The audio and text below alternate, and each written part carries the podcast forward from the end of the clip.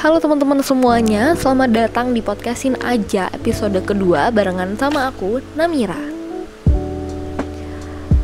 Baiklah, sesuai dengan judulnya, hari ini aku akan bahas sesuatu yang akhir-akhir ini lagi marak-maraknya, lagi rame-ramenya, orang-orang pada suka bacanya, apalagi kalau bukan zodiac signs.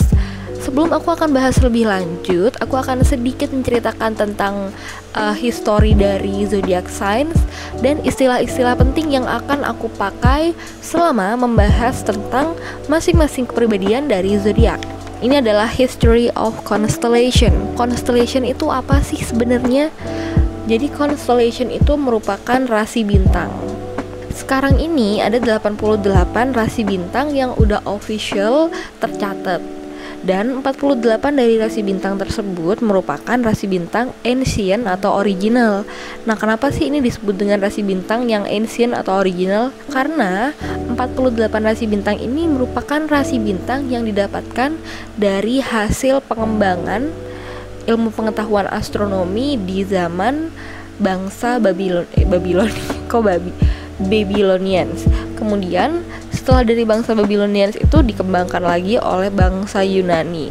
Jadi uh, rasi bintang yang 48 ini yang aku bilang original atau ancient uh, constellation merupakan rasi bintang yang hasilnya itu didapatkan dari pengembangan-pengembangan bangsa sebelum Masehi kalau misalkan teman-teman baca sendiri langsung untuk historinya itu keren banget karena kompleks kan. Karena ini membahas tentang ilmu astronomi gitu. Ada antar berhubungan dengan langit, poros bumi, pergerakan matahari dan lain sebagainya.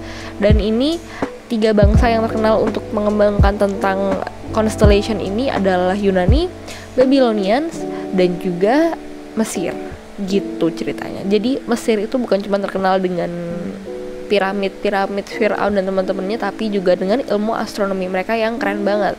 Baiklah. Terus, sekarang kan udah tahun 2020 nih. Menurut NASA, dilansir oleh NASA. Kalian tahu kan NASA? Ya, NASA itu adalah National Aeronautics and Space Administration. Kalau misalkan di bahasa Indonesiain itu adalah Badan Penerbangan dan Antariksa. Ini merupakan lembaga pemerintah milik Amerika Serikat yang biasanya ngurusin tentang program-program luar angkasa dan melakukan penelitian-penelitian uh, yang berhubungan dengan uh, astronomi luar angkasa dan sebagainya. Makanya NASA bisa bilang sebuah pernyataan bahwa sebenarnya selama ini zodiak itu bukan cuma 12 tapi ada 13. Nah loh, kenapa kok bisa kayak gitu? Jadi kan aku tadi bilang kalau misalkan zodiak ini pertama kali dikembangkan dan ditemukan oleh bangsa Babylonians itu di abad sekitar 7 dan 8 sebelum Masehi.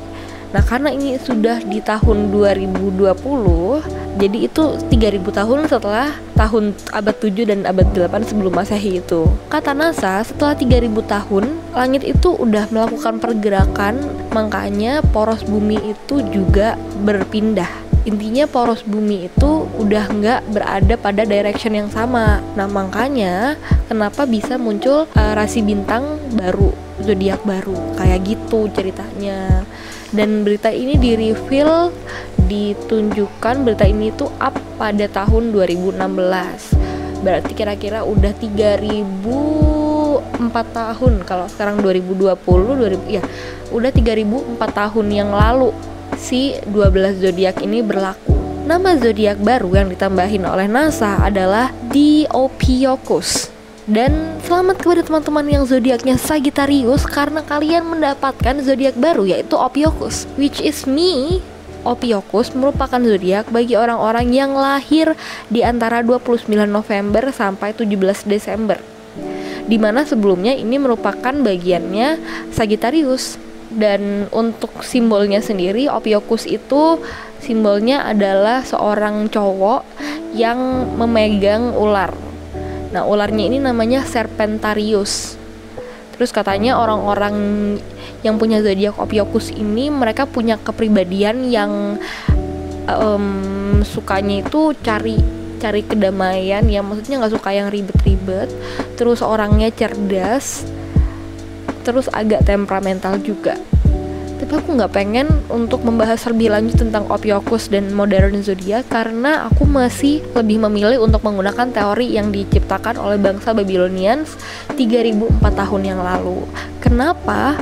Ya karena kenapa bisa tiba-tiba nih setelah 3000 tahun kepribadian seorang Sagittarius berubah menjadi kepribadian Ophiuchus. Kan males banget gitu. Kepribadiannya ganti-ganti enak banget. Terus nanti 3000 tahun kemudian ada lagi zodiak baru. Hmm.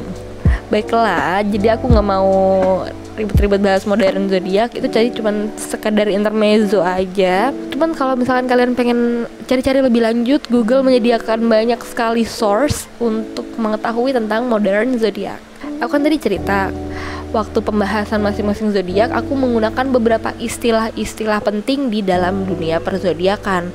Nah, ada apa aja sih? Ini sebenarnya nggak banyak, cuman di zodiak itu kalau misalkan teman-teman belum tahu nih, ada yang dikenal dengan nama modality dan elemen. Kalian pernah nggak nonton Avatar? Tahu kan kalau misalkan Avatar itu bisa menguasai empat empat elemen bumi kan, ada air, api, tanah, dan udara Hal itu juga berlaku di zodiak karena di zodiak itu juga ada elemen yang terdiri dari empat elemen bumi yaitu air, api, tanah, dan udara. Selain itu juga dikenal sesuatu yang disebut dengan modality. Modality itu ada cardinal, ada fixed modality, dan mutable.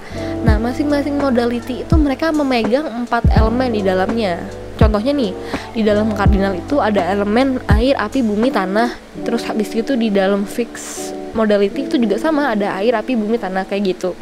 Dan berlaku juga di mutable modality. Jadi untuk zodiak yang berada di bawah naungan modality kardinal biasanya punya kepribadian, punya sifat yang lebih ke arah langsung ngerjain segala sesuatunya, mikirin resikonya belakangan, tapi ada sesuatu tuh langsung dikerjain langsung actionnya kenceng. Mereka tuh berani ngambil resiko. Pokoknya ya udah ini dikerjain dulu deh kayak gitu. Masalah resiko belakangan aja. Sementara itu untuk yang fixed modality itu lebih ke arah orang-orang yang kebanyakan mikir. Jadi mikirnya lama kayak gimana kalau misalkan gini gimana gitu gimana gini gitu gini gitu intinya mereka itu zodiak yang berada di bawah fixed modality ini lebih ke arah kurang berani ngambil resiko mereka tuh bener-bener mikirin mateng-mateng kalau misalkan kita ambil action ini nanti efeknya bakalan kayak gimana Sementara itu untuk yang mutable modality ini mereka lebih berada di tengah-tengah.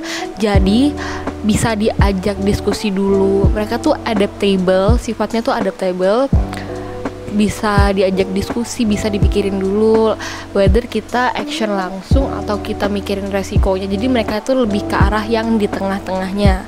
Nah kayak gitu. Selain itu nanti di tengah-tengah pembahasan aku juga akan ceritain sedikit tentang moon signs dan sun signs yaudah ini udah lumayan lama untuk sekadar opening dan historinya dari zodiak. Langsung aja kalian bisa cek episode selanjutnya untuk pembahasan zodiak yang pertama yaitu Libra